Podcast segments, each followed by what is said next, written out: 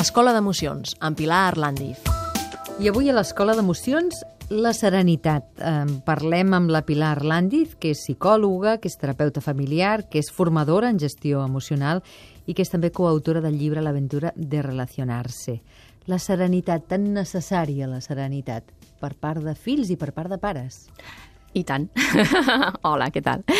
Doncs sí, sí, la serenitat doncs és, uh, és que en qualsevol tipus de situació que, que, que ens trobem a la vida, per realment per desest desestabilitzadora que pugui ser, que nosaltres no ens deixem portar pels sentiments de desestabilització que, que, que ens podrien dur a prendre decisions realment no massa prudents en segons quins moments, no?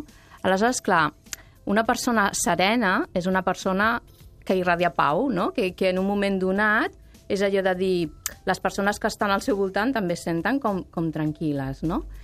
Llavors, eh, normalment, a mi m'agradaria posar un exemple, perquè just quan estava mirant eh, a, a, doncs, aquesta emoció, vaig veure un exemple molt quotidià, i tu ja saps que a mi m'agraden molt les coses quotidianes perquè penso que són les, les que nodreixen molt la nostra vida, no? Doncs estava a la, a la cua del, del, del súper i aleshores hi havia davant meu una, una mare amb una, amb una nena i de cop i volta va començar a estar intranquil·la perquè semblava ser que havia perdut eh, diners, no? els diners que havia de pagar.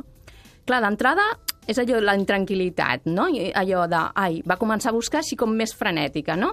La nena se la mirava allò de, a veure, no? Què, què farem ara, no? No tenim diners. Bueno, tot, res, tot això molt ràpid, però tot un retrat, no?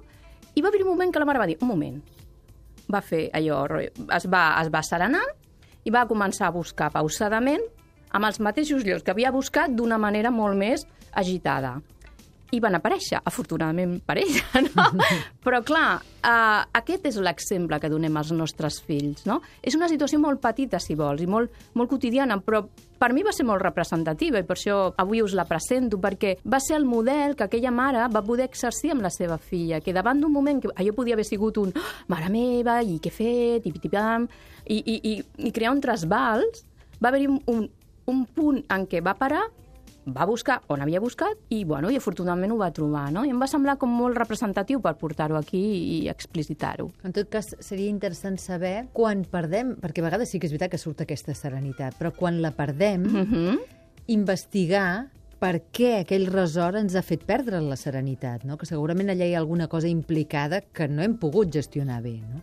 com adults. Sí, sí, sí, sí, exacte. Perquè de vegades per coses molt menudes exacte. realment perdem absolutament la serenitat. No? I, i, I en tot cas el que podem fer és investigar per què això ens ha arribat a alterar d'aquesta manera. No? Sí, sí, però a vegades, clar, el simple fet de... de vull dir, que, que tens gent darrere, posant l'exemple del súper, no? això pot fer que realment perdem aquest, aquest punt, no? Llavors, jo el que diria és respira fons i recupera't. Fins aquí, avui, aquesta serenitat de l'Escola d'Emocions amb la Pilar Arlandit. Moltes gràcies. A vosaltres.